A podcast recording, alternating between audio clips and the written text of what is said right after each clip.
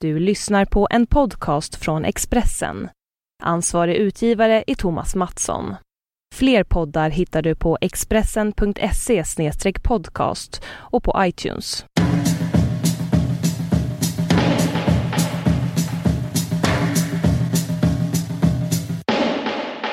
Hej!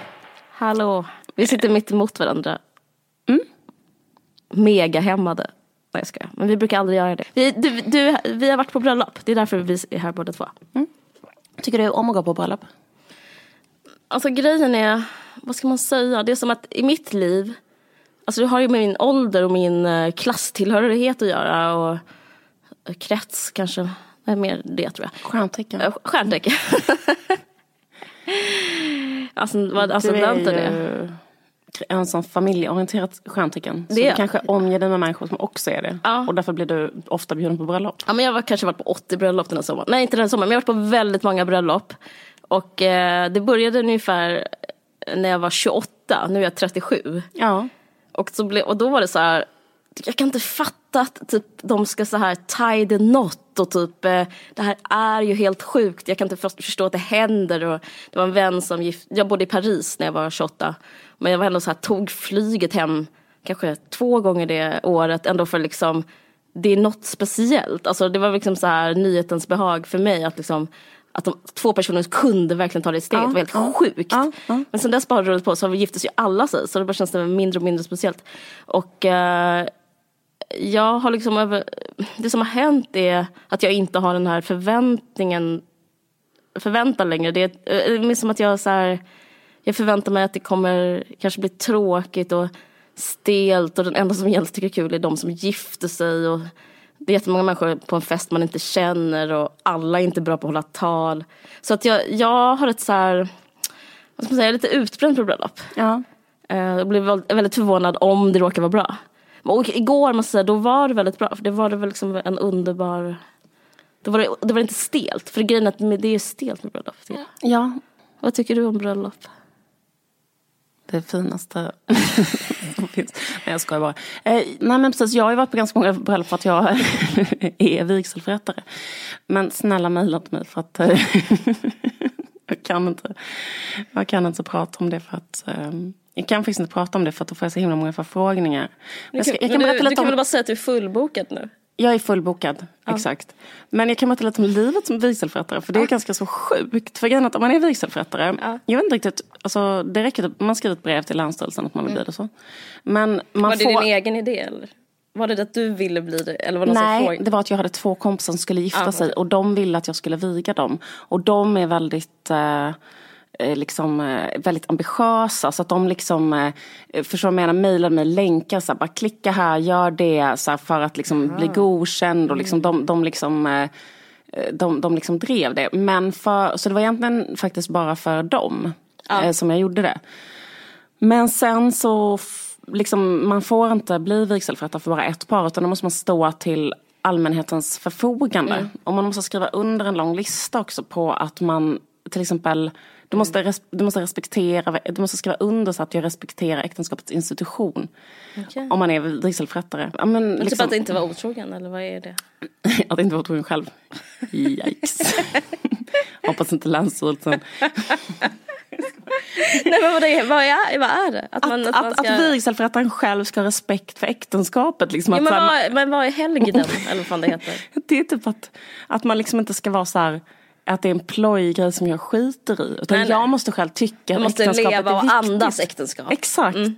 Mm. Eh, och det gör ju jag och det vet ju alla som känner mig. Så det är inga konstigheter.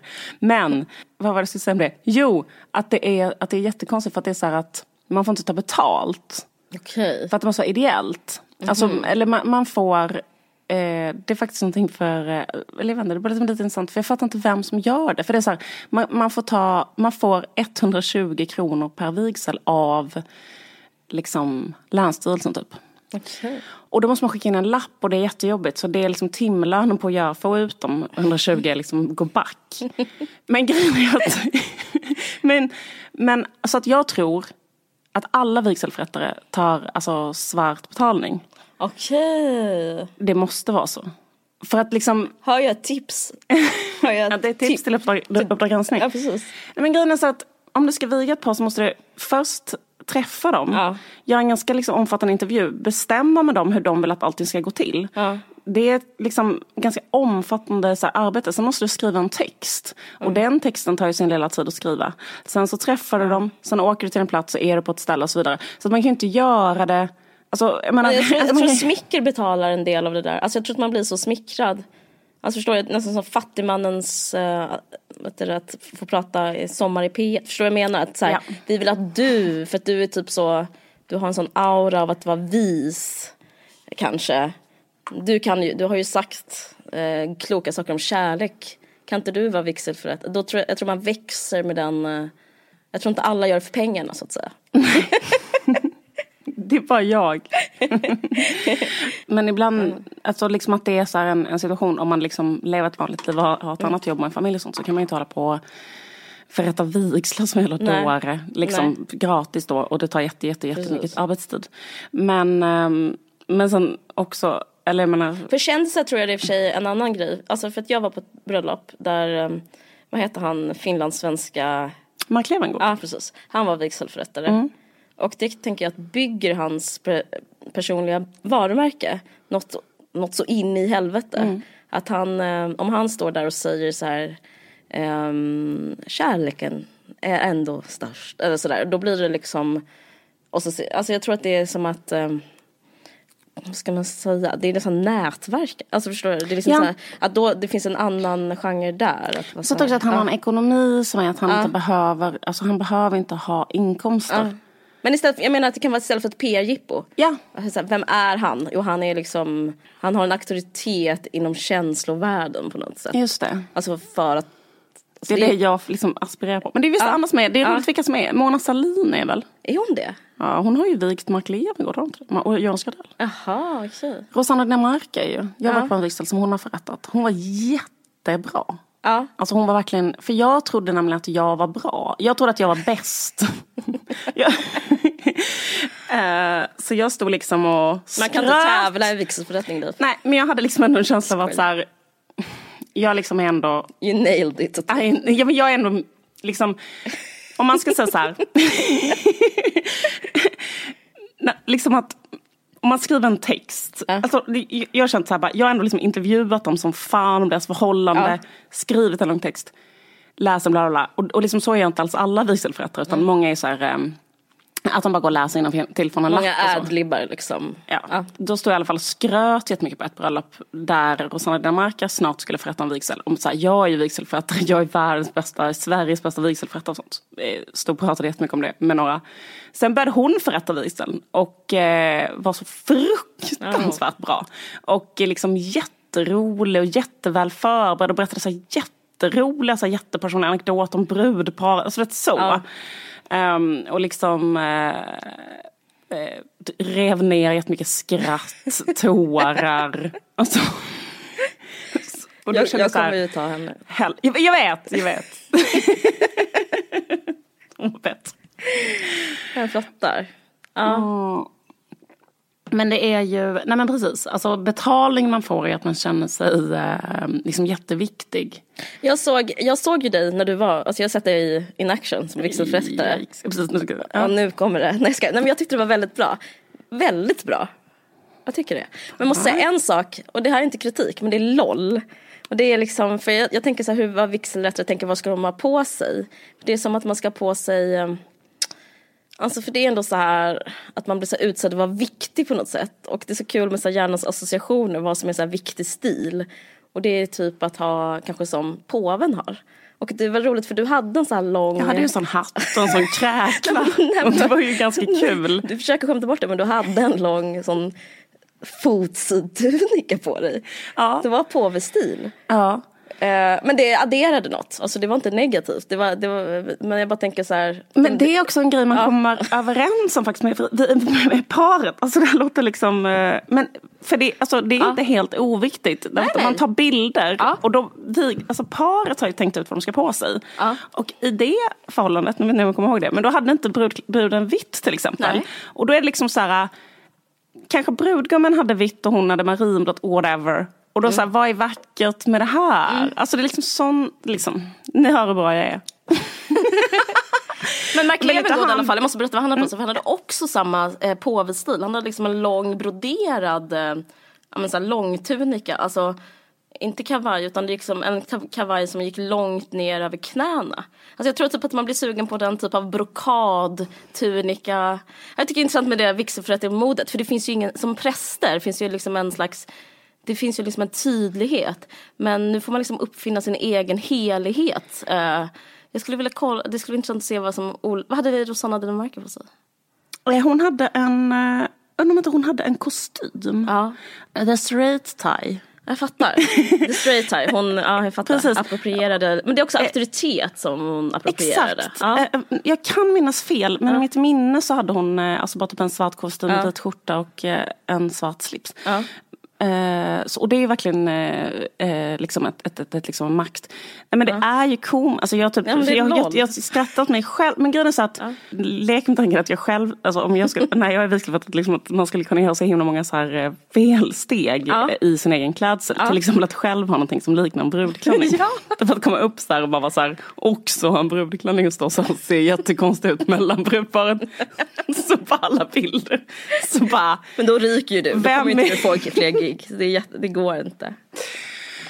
nej precis. Ehm, Nej man får inte outshine the bride helt enkelt. Man får inte konkurrera i femininitet. Nej. Alltså det här låter sjukt. Nej, men så här, nej, jag nej. kan inte ha Ja. på mig liksom en helt fantastiskt vacker Nej. klänning och vara jättesminkad och också ha så här Mm. lösögonfransar och högklackade skor. För det är också jättekonstigt. Nej det är sant. Då skulle han vilja gifta sig med mig. Då blir det jättekonstigt. så det är ett problem jag har. Ofta. Jag fattar.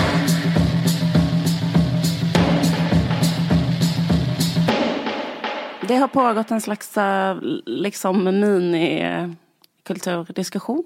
Eller ska man säga? Det- Debatt. Ja, Ja, men kultur, jag tror det kallas kulturdebatt. Det kallas kulturdebatt. Ja, Ehm, om eh, sexskildringar i litteraturen. Mm. Samtidslitteraturen. Är det på väg att dö ut? Mm. Det började väl med att eh, Malte Persson, som är en skribent, vår eh, på vårt moderskepp Mm. Expressen. Han skrev en artikel i mitten av Den juli. ni- 19 juli skrev han en artikel. Bra. Han kickade igång alltihopa. Han kickade igång alltihop genom att att skriva en artikel eh, om eh, där han menade att eh, samtidslitteraturen utmärks av att liksom eh, sexskildringar uteblir eller, bara, eller beskriver dåligt sex. De beskriver inte njutning. Nej. Och som exempel så hade han två romaner. Tony Schunnessons Tripprapporter och Isabelle Ståhls Just nu är jag här. Och menar på att de hade en eh, gemensam, en, eh, ett gemensamt drag som var att de eh, inte beskrev sex som något njutningsfyllt. Mm, precis. De skri- de, han han eh, undrade varför kan man säga. Alltså han så här, varför, eh, han tog dem som exempel liksom, och beskrev dem som, nu ska jag säga rätt ord, posterotisk. Posterotiskt. Precis. Eh, eh, jag menar, han, han, han upplever i samtidslitteraturen att det finns en posterotisk eh, liksom strömning som är att disassociera sig från sex och från eh, att, det, liksom, att skriva, om man skriver kuk så följs det av blev slak, står det i texten. Och typ, eh, jag låtsades att komma och sen, skri- och sen klädde jag på mig. Att, att eh, han har liksom gjort en slags, vad ska man säga, egen forskning om att, och kommit fram till att det är så, så här gnälligt och negativt eh, i sexskildringarna i Jag tror att det är intressant samtidslitteraturen. att två, han tog upp två böcker. Ja. Och båda de två är skrivna ganska så unga kvinnor. Ja, precis. Det är någonting i det som är liksom konstigt för det är som att han är liksom nästan besviken på Ja, dem. det För finns att en inte, besviken ton. det finns en besviken ton, Mm. att han liksom är besviken för att de inte gillar sex mer i sina böcker. Mm. Eller att man inte kan... För, men jag tycker det var så konstigt för att liksom, böckerna handlar ju om... Alltså man kan inte skriva så här, varför är det inte njutningsfyllt sex i de här böckerna? Jag har faktiskt läst båda de här Mm, böckerna. Båda böckerna handlar ju om människor som liksom inte har njutningsfullt sex. Eller fattar du vad jag menar? Då skulle man ha en helt annan bok. Alltså det blir så konstigt för det blir nästan som att ha en åsikt om innehåll tycker jag. Mm. Så varför njuter inte de här människorna av sex? Det är ju för att det handlar om... Mm. Jag tror att, men jag tror att den, alltså, det, det skulle väl kunna vara så att, eh, vad ska man säga, vad ska man kalla de här, om, om de här karaktärerna, att de är lite så här degenererade, liksom tappade, deprimerade, liksom uppgivna. Alltså det skulle, ju, det skulle inte vara helt omöjligt om de skulle typ kunna njuta också nästan på ett dekadent sätt av sex. Så jag tror att liksom, det skulle kunna vara en möjlighet. Men sen skrev Tone en artikel som jag tyckte var väldigt bra som fick mig att börja tänka jättemycket. Hon svarade liksom och rubriken var eh, Vi vill bara inte ligga med er. Alltså hon menar liksom på att på något sätt liksom efter den, man, mm. man kan bara jättekort beskriva liksom den sexuella frigörelsen så här. Mm. Först är det så här, män är de enda som får vara kåta mm. och ha liksom eh, sex på, liksom med jättemånga mm. hur de själv vill. Om tjejer har det så blir de slampor typ. Mm. Sen kanske på 80-talet mm. eller någonting så uppfinner man att så här, kvinnor får också vara sexuellt frigjorda och mm. Eh, har sex med alla. Mm. Och det är på likadant som män. Då är det som eh, Sex and the City kan man säga som ett övertydligt mm. exempel på den populärkulturella liksom, konstruktionen. Mm. Och så skriver hon så här om den livsstilen, mm. att vara en kvinna som agerar på ett sånt sätt. Jag tycker mer det verkar vara en livsstil uppfin, uppfunnen av, ett patriarkal, av en patriarkalt styrd marknad som desperat försöker hitta en viktig uppgift för mannen mm. när medelklassens kvinnor inte längre behöver äktenskapet för sin ekonomiska och sociala status. Istället tjänar man pengar på att fabricera en lika utlevande kvinnlig sexualitet som den traditionellt sett varit manlig. Och sen så skriver hon så här Kanske är posterotiken bara det här. Den nu helt blasé kvinnan som har gjort allt och kan berätta att det faktiskt inte var särskilt kul att knulla. Mm. Ja, det, det var väldigt bra svar från henne. Men jag tänkte jättemycket på... Uh, jag tyckte det är liksom en snårig... Det är svårt att hålla huvudet kallt för jag kan... Eh, jag läser, som du läste innan, läser jag Anna Karenina nu. Och det är intressant hur de beskriver Eh, kvinnors, för dem, hur Lev Tolstoj uh, eh, beskriver kvinnans liksom, drift och sexualitet där. Det är liksom väldigt uh, liksom borderline och antingen eller, antingen man är fallen eller inte fallen och liksom det är förknippat med männen. Och då förstår jag att det finns eh, alltså snabba klipp nu men till typ eh, det knapplösa knullet av Erika Jong och liksom Susanne Brögger och typ hela den så sexuella frigörelsen som fanns så här eh, det fanns något subversivt och någon kraft i att så här, jag mitt subjekt, mitt kvinnliga subjekt söker, jag har en drift, jag vill ha sex och typ jag vill knulla och det är positivt. Alltså det, det är liksom en sak och det, typ, det tycker jag man måste också hålla i huvudet. Så det, är liksom, det är en typ av eh, feministisk riktning i att skildra sex. Men sen så tycker jag någonting hände. Jag vet inte om jag kan uttala mig. Men från vad jag ser det, liksom, det här med Sex and the City tycker jag är väldigt intressant som Tone pratar om. För det som hände där, eh, det var som en slags merch av dels liksom, vad ska man säga, Susanne Brögger och det knapplösa knullet och eh, kvinnliga frigörelsen. Att den tanken där blev eh, återigen så instoppad i ett konservativt sammanhang skulle jag säga. Det är inte sant för det första. Så det som är är att det är uh, en, att alla kvinnor vill alltid ha sex med män. Att det finns en tacksamhet och det finns en jakt på sex som är att sex inte är något okomplicerat. Uh, som man uh, liksom som man kanske förtäcks i en slags frigjordhet. Men, men det är så, det jag håller med ton, Torna att det är liksom patriarkatets röst om, det, om hur man beskriver sex. Att liksom, eh, för om man tänker på typ att hur en man skulle se på en frigjord kvinna utan att behöva besväras av en frigjord kvinna så är det så här, men de vill också ha sex hela tiden. De, för de, de vill också ha one night stands hela tiden. Och det finns bara liksom en vilja och en riktning som är så att knulla. Och det finns eh, ingen kritik. Och det tycker jag är så extremt intressant. Det här kritiklösa sexet och eh, liksom, alltså avsaknaden av kritik i Sex and the City. Att där är det liksom bara Eh, det är bara ett mål hela tiden och det, är oproblematiserat att det skulle kunna vara till exempel ett maktförhållande, eh, övergrepp, eh, liksom känslor, ehm, känslobringande. Alltså det är väldigt sådär, det är målet och det är att lyckas. Det är liksom, och alla vill dit, kvinnor som män. Alltså det är liksom den lögnen, så här patriarkala lögnen som, som har hämtat från typ så här eh, fri, alltså sexuella frigörelsen. Liksom. De har tagit så här, det bästa av det och gjort liksom, i en patriarkalt skal. Men för jag tänkte, det, och det som är så tydligt med att Sex and City är så, är, tänkte jag, när Girls kom. För, för det var, jag vet inte, jag kan inte hylla det nog, men när när Lena Dunham skildrade dåligt sex. Mm. Alltså jag tänkte bara, varför var det så bra? Och det är ju för att det är en berättelse, alltså det är så en, likadant som så här Erika Jong och Sam Brögger fick liksom berätta subjektivt vad de ville, liksom vad de tyckte.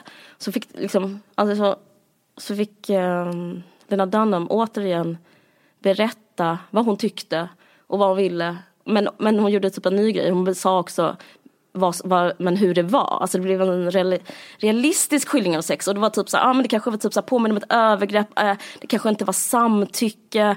Alltså hon har, hon har gjort så många bra, liksom, så här, otroligt viktiga, en viktig kritik som är totalt avsaknad i Sex and the City. Och jag vet inte om Tones och Isabells eh, romaner, liksom, det, jag ska inte liksom läsa in att de så här, eh, är påverkade av girls, men, men det känns nästan som det inte går, går tillbaka till att, att säga att det inte är problematiskt. För att det är som att antingen beskriver man världen som att det är ett patriarkat och det gör Lena Dunham, eller så beskriver man som det inte är ett patriarkat och det är Sex and the City. Då är det bara så här, vi lever i och med att vi inte kritiserar det, då blir liksom handlingen konservativ. Då är det, liksom, det är bra som det är, är Sex and the City hela tiden.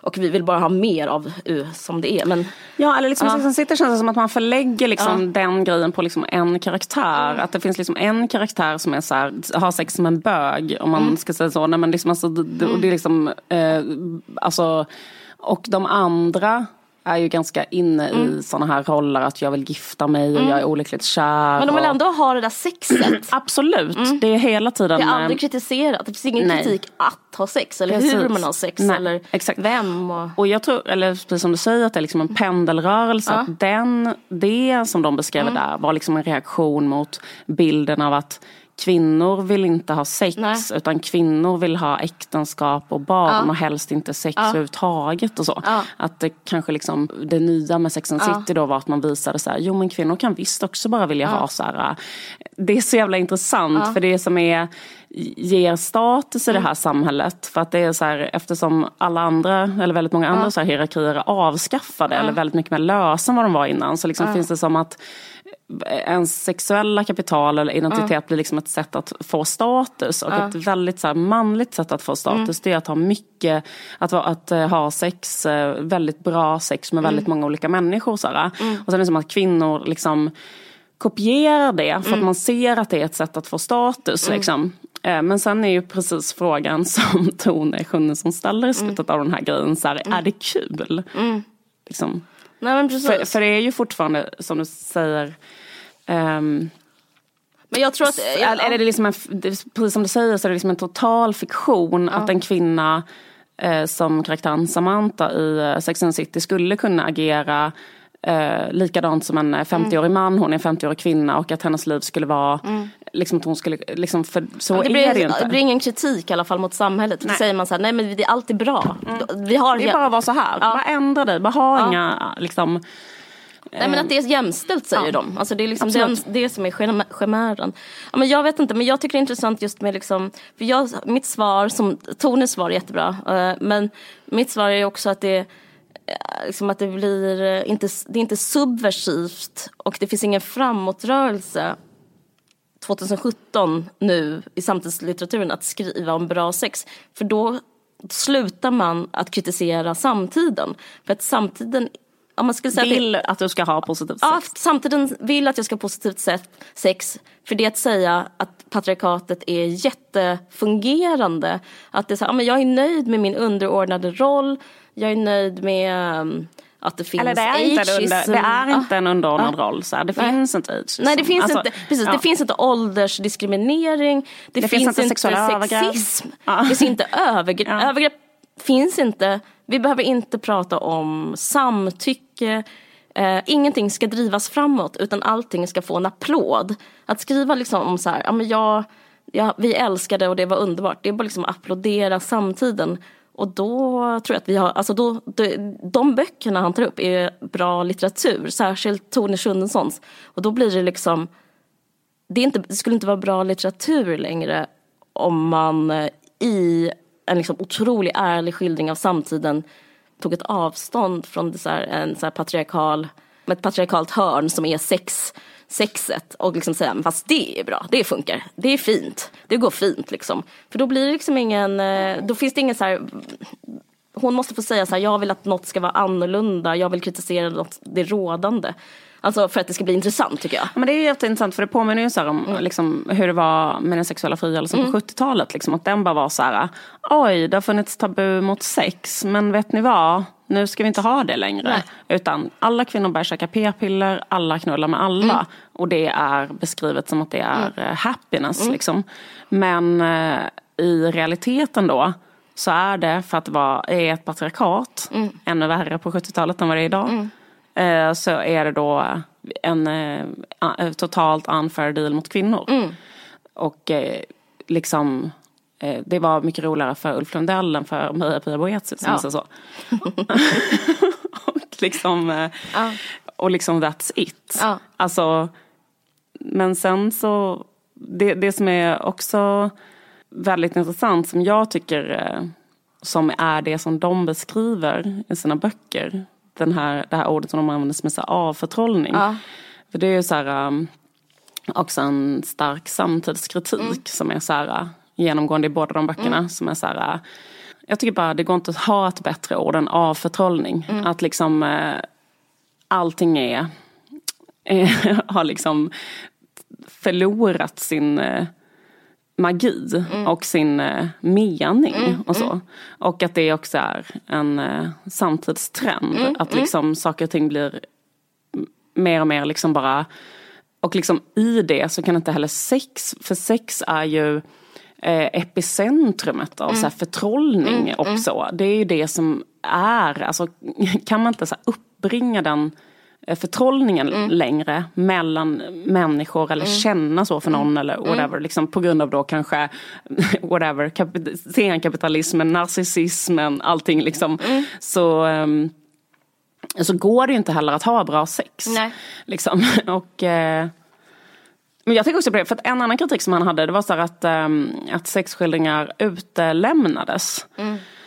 I till exempel Isabel Ståhls böcker, att hon, eller hennes bok då. Att um, och det tänker jag så här, det är faktiskt rätt så vanligt. Alltså till exempel Knausgård utelämnar ju mm. konsekvent sex men det tar han inte upp. Men då undrar jag, alltså fattar du vad jag mm. menar? Mm. Att det, är så här, det känns som att han är argare på att mm. unga blonda tjejer inte skriver om sin sexuella njutning. Det är väl för honom att läsa. Ja, men det är det jag menar. alltså, typ, medan jag hade gärna velat höra ja. Knausgårds. Ja. Skojar.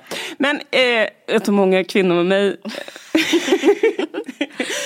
Nej men liksom, för det blir liksom lite parodiskt ja. att så här, snälla skriv någonting om att eh, knulla liksom. Ja. Och det, också, det, är också det som är så jävla tveeggat svärd mm. för de kvinnorna som skrev om så här, fri och mm. sexualitet på 70-talet. Mm. Att de också samtidigt så otroligt vackra. De var så här, mm. eh, Erika Jong eh, såg ut som en eh, lite sunkigare version av Brigitte Bardot. Alltså fattar du menar? Hon liksom aspirerade ändå åt det hållet.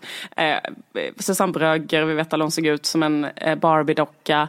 Att de har på sig något svinsexigt, går på en litteraturuppläsning på mm. 70-talet och säger så här Fittan behöver, alltså, liksom, det är klart att det är Det, applåder, det välkomnades. Eh, vä välkomnades. Mm. Liksom, hade det funkat att de hade gått upp och sagt varit jättefula och sagt så här vi tycker inte om att ha sex med män för att eh, de är vidriga typ. Mm. Nej, det var liksom, nej men precis, det eh, vi har ju kommit längre. Det känns ju som att de gjorde det, de tog ett kul, en kula för laget genom att, liksom, att göra det. Men det är liksom fortfarande männens värld, det är som så smulor från typ den rika mannens bord på något sätt. Liksom, ja, ni får er kvinnliga frigörelse med p-piller men det är liksom, vi har ju kommit längre. Det är därför, det är därför vi är här nu, där man liksom har råd att Alltså det är ju något positivt att man har råd att kritisera rådande normer. Att eh, kanske inte gå med.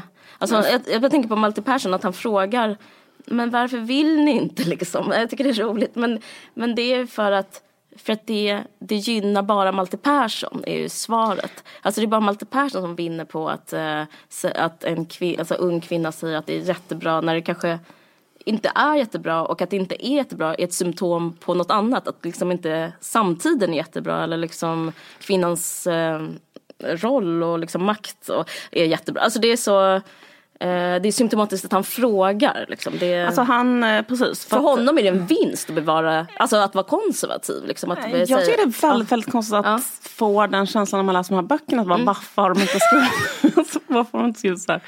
De älskar att men man ser och beskriva det. Man bläddrar fram och bara, men vad är sexet? Var ska jag sätta min sånt hundöra som jag alltid sätter? Nej men, eh, ja. nej men att det finns också en, ja eh, väldigt så här, erotisering av den kvinnliga författaren, mm. framförallt den unga kvinnliga författaren. Mm. Så här, att, det liksom är, att det är poängen med ja, den kvinnliga författaren. Så här, om hon är utlevande och skiter i gränser, alltså ni fattar hon går med på allt. Typ, så. Precis, ja. och hon skriver om ja. det och då blir jag kåt när jag läser det och ser hennes författarporträtt. Alltså, förlåt, men alltså, det är jättemycket, alltså, det är jättemycket det som är grejen med att vara en kvinnlig författare. Att, alltså, vara så här, eh, att vara galen och begåvad och liksom även i halmen. Typ, Får jag berätta en jätterolig mm. anekdot? Jag ska inte nämna några namn, men eh, grejen är att en väldigt eh, eh, prominent eh, manlig journalist som är nu i 70-årsåldern. Jag eh, samtalade med honom på Bokmässan.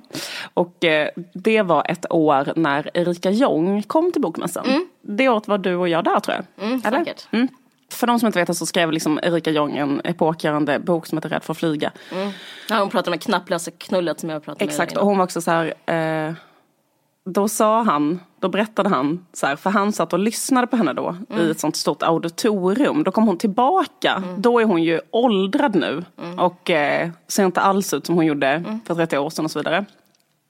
Mm. Och då sa han så här, jag tyckte att det var så himla konstigt för att jag intervjuade henne när hon var i Sverige på 70-talet och då hade vi en sån otrolig, alltså det fanns en otrolig så här, kemi mellan oss, en otrolig attraktion mellan oss. Förmodligen då kanske mest i hans huvud. Men Men sen när jag satt där idag kände så bara kände inget. Nej. bara, hade liksom gått till auditoriet för att känna så här, fanns det kvar ja. den här då um, kemin mellan honom och Erika Jong. Men surprise så gjorde inte det det när hon hade blivit 70. Men um, ja, jag vet inte. Ja, jag bara känner på så här kvinnliga författares um, villkor. Uh, ja, eller liksom alla kvinnors villkor. Ja, och det är väl därför de skriver inte, det är därför inte de ger så här två tummar upp till så här man, heterosexuellt sex.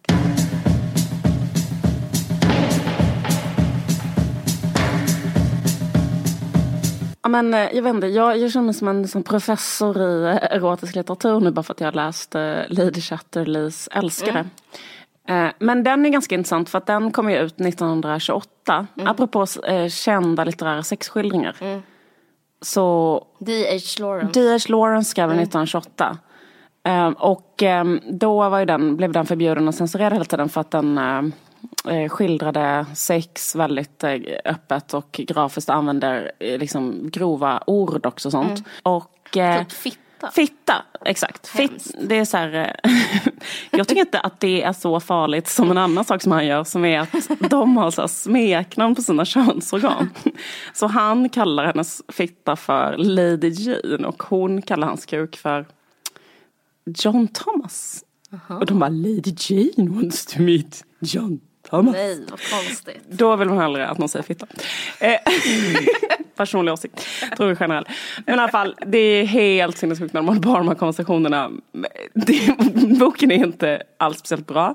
Men den var ju då epokgörande. Alltså nu är inte den alls epokgörande. Nu är den Alltså nu finns det ju ett eh, diktat mm. att man måste ha sex mm. för att vara en lyckad, eh, måste ha jättebra sex och jättemycket sex och väldigt så här bra sex för att vara liksom en eh, godkänd eh, eller bra hälsosam människa mm. liksom, i det här samhället. Mm. Um, och det är ju liksom väldigt så stigmatiserande för ens identitet att inte ha en sån sexualitet. Mm. Det börjar inte ändras lite? Är inte lite uppluck, är inte lite softare ändå att man inte behöver ha så bra sex? Inte det, inte det de liksom Det kanske är liksom deras är detta symptom ja, på. Ja, precis. precis. Men det känns ändå som att så här, man tänker rösterna från Folkhälsoinstitutet, jag menar, jag hade ju en hälsominister eh, som, som blev utbränd, men menar, han pratade om det, att så här, hur viktigt det är med bra sex. Alltså, mm. Det känns ju som att folk fortfarande håller på med den här grejen att vi kräver av dig att du är det är liksom något med det psykologiserade samhället också. Liksom, att man kräver liksom en, ett sunt psyke, en mm. sund kropp på något sätt. Att, eh, liksom, du måste äta vissa saker och det är mm. också hela tiden det här att du liksom, det är ju inte okej så här, för en kvinna till exempel att säga så här, jag eh, får aldrig orgasm eller ja. fått det. Eller så. Alltså det är ju inte, eller som alltså säger, jag, det är låg Jag menar typ att de nya tänkarna, eller som de nya, om man kallar Isabelle Ståhl och Tone Schunnesson sen de nya, den nya vågen av så här, tänkare och författare, att där finns en ny rörelse och liksom, det är därför böckerna är bra, att det är liksom det där som är uh, eh, som, som är just att säga nej till ja, det. Liksom. Absolut, men det jag menar är att ja. om man säger eh, maktdiskursen, ja. det som alltså makten normen, säger, normen kan vi kalla det, eh, den säger mm. du ska ha bra sex och liksom hälsosamt mm. sex och som ska vara på vissa sätt för mm. att vara liksom en mm. lyckad person. På när D.H. Lawrence bok kom ut mm. så sa samhället någonting annat, mm. nämligen Eh, kvinnor har inte kanske en sexdrift, mm. det var 1928. Mm, sex ska ske mm. inom äktenskapet mm. Och så vidare. Och då var hans bok väldigt radikal för att mm. det den säger är men det som är intressant är att det den säger då är det som är normen säger mm, idag. Mm. Alltså det den säger är i princip så här, kvinnor har en sexdrift. Men idag är det konservativt. Alltså idag ja, ja. är D.H. Lawrence, alltså det, Malte saknar ju D.H. Lawrence. Liksom. Absolut, precis. Men och liksom det som är liksom grejen där är också att Dennis, alltså D.H. Lawrence är ju en man och den är skriven mm. att det är en man som har en fantasi om en kvinna som inte har några sexuella hämningar och mm. väldigt gärna vill hela tiden ligga. Mm. I det här fallet med um, en skogvaktare. Mm. Men eh, det finns en subversiv sak ska jag säga, för jag tycker den boken är inte så bra och, eh, eller den är väldigt dålig som litteratur. Den är inte mm. intressant i mm. dagens samhälle tyvärr. Alltså, eller jag menar, den är mm. inte sånt så här historiskt, bara då var detta mm. väldigt kontroversiellt liksom, mm. för att förstå hur det har ändrats typ. Mm, Men det är liksom inte så här, nu känns ju inte den, gud vilken befriande bok liksom.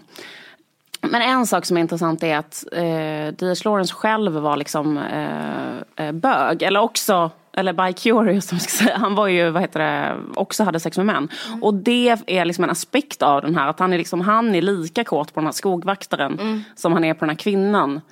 Mm. Eh, så det finns liksom mycket beskrivningar också av att, jag, jag tror att faktiskt att det som har gjort att boken ändå har eh, stått sig som någon slags erotisk litteratur, att den eh, beskriver, eh, alltså man märker att författaren också har ett sexuellt begär till den manliga kroppen. Mm. Eh, kan förklara det. Mm. Och eh, det tycker jag är det som är eh, liksom, det tror jag är därför boken liksom ändå har blivit väldigt läst. Mm, okay. Så det, det, det, finns något ja, bra där? Ja. Alltså. Mm, jag fattar.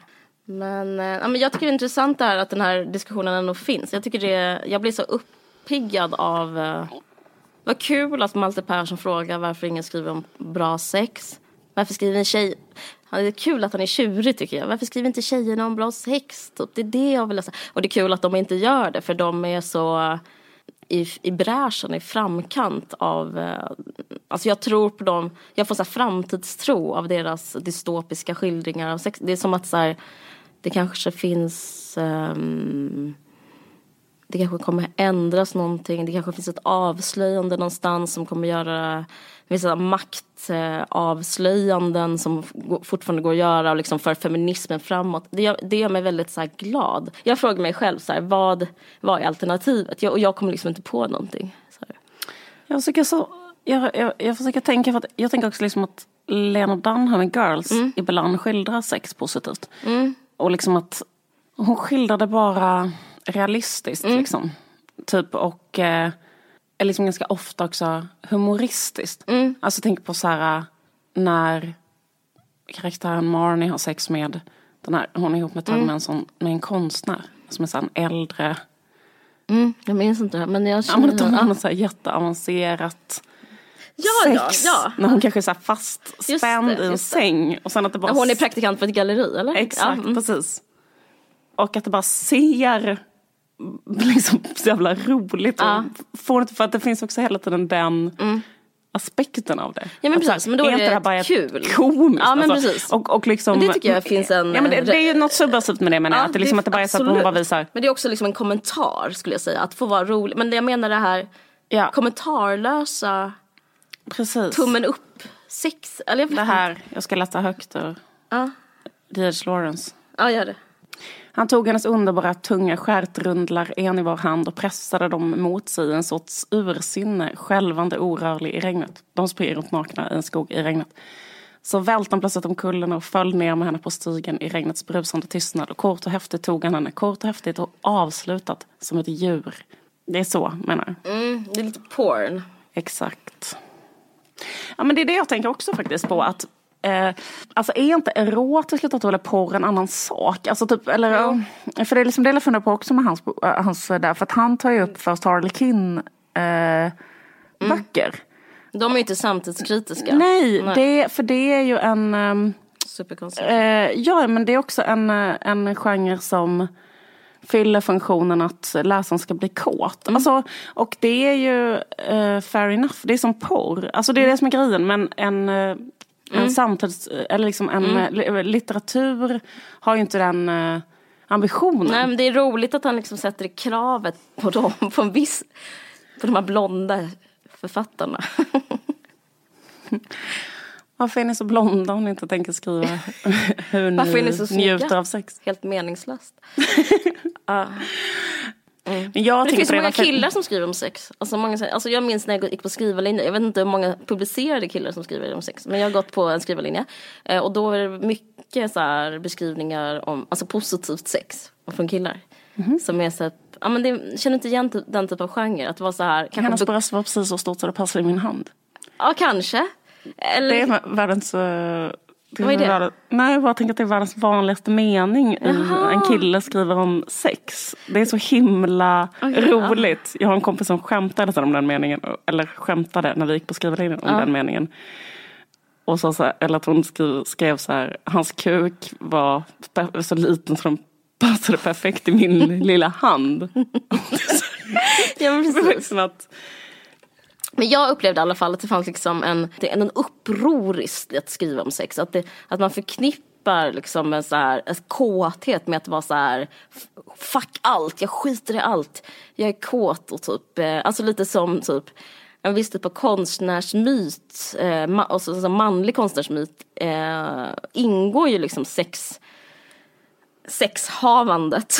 Mm. liksom att vara så här eh, Typ, man kan tänka sig typ så här Jackson Pollock kanske så här kom på sina tavlor. Alltså det skulle inte jag bli förvånad om någon berättade för mig. Nej. Eller typ att Bukowski, han skriver liksom som pungkulor hit och dit och liksom allting är så här mm. Jack Kirk, allting är bara så här, uh, typ knull, typ. Eh, och samma med Ulf Lundell, liksom att bara knulla, det är tanto, liksom det är bara, det är så hela tiden. Mm. Att det finns något i den så manliga eh, samtidslitteraturen för den, behöv, den liksom står ju inte i, där finns ju inte samlaget liksom, det finns inget förtryck i och med att den mannen typ är traditionellt sett är förtryckaren.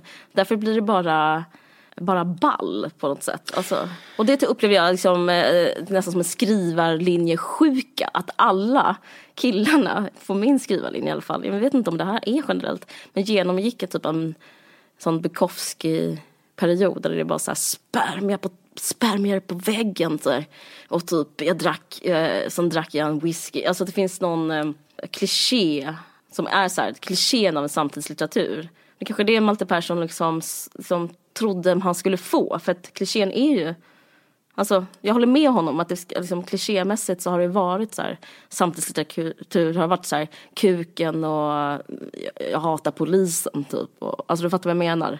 Och kanske att köra full typ. Och, Precis. Att, men det är inte upproriskt när kvinnor nej, men, gör det, det försöker jag säga. Alltså det är inte upproriskt som... Alltså... Eller, liksom, eller vad ska man säga? Vi, det, är liksom ett exam, det, är liksom ett, eh, det är för att vi har kommit längre. Mm. Så mm. För att liksom, kvinnor behöver inte längre skriva böcker som bara är så här, jag kan också vara kåt fast jag är en kvinna. Nej. Alltså, som man kanske var tvungen att göra mm. när de pionjärerna eh, gjorde det på ja. 70-talet. Ja. Och då fick de ju ta otroligt mycket skit för det. Ja. att Susanne Bragge var utsatt för att, eh, bara för att hon skrev om sex, att hon själv ville ha sex och hade sex med många sånt. Så liksom gick folk och skrev så eh, på hennes eh, hus till exempel, att hon var en hora och mm. liksom den typen av sak. Alltså att, eh, ja men hela Kerstin Thorvalds legacy handlar ju bara om det liksom. Och hon, för henne var det också en ny mark att bryta. Liksom. Det var ju det, precis. Men det som är så jävla intressant och positivt nu är ju liksom att så här, man kan skriva att um, jag vill inte ha sex. Och jag tycker, eller att det är dåligt. Mm. Eller,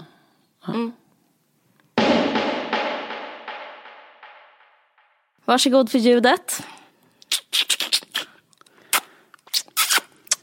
Krispigt. Tack Ger er lite sex på slutet där. Precis. Okej, ja, äh, vänta jag måste bara säga en sak. Jag har fått på ett, en, en, en, en senior poddare. Mm. Har jag fått ett ovärderligt tips. Mm. Och det är så här att jag och du, fast det, det är mitt initiativ nu, söker en säljare som kan sälja um, en varg söker sin podd till passande sponsorer. Ja men kan du inte utveckla lite ja. så att man fattar? Hur då? Nej, skit i det. Det räcker att säga så som du sa. Det blir bra. Ja, okay. Vi ser bara vad som händer. Ja, det kanske inte händer någonting. Nej. Tack för att ni lyssnade. Hej då. Hej då. Du har lyssnat på en podcast från Expressen. Ansvarig utgivare är Thomas Mattsson. Fler poddar hittar du på expressen.se podcast och på iTunes.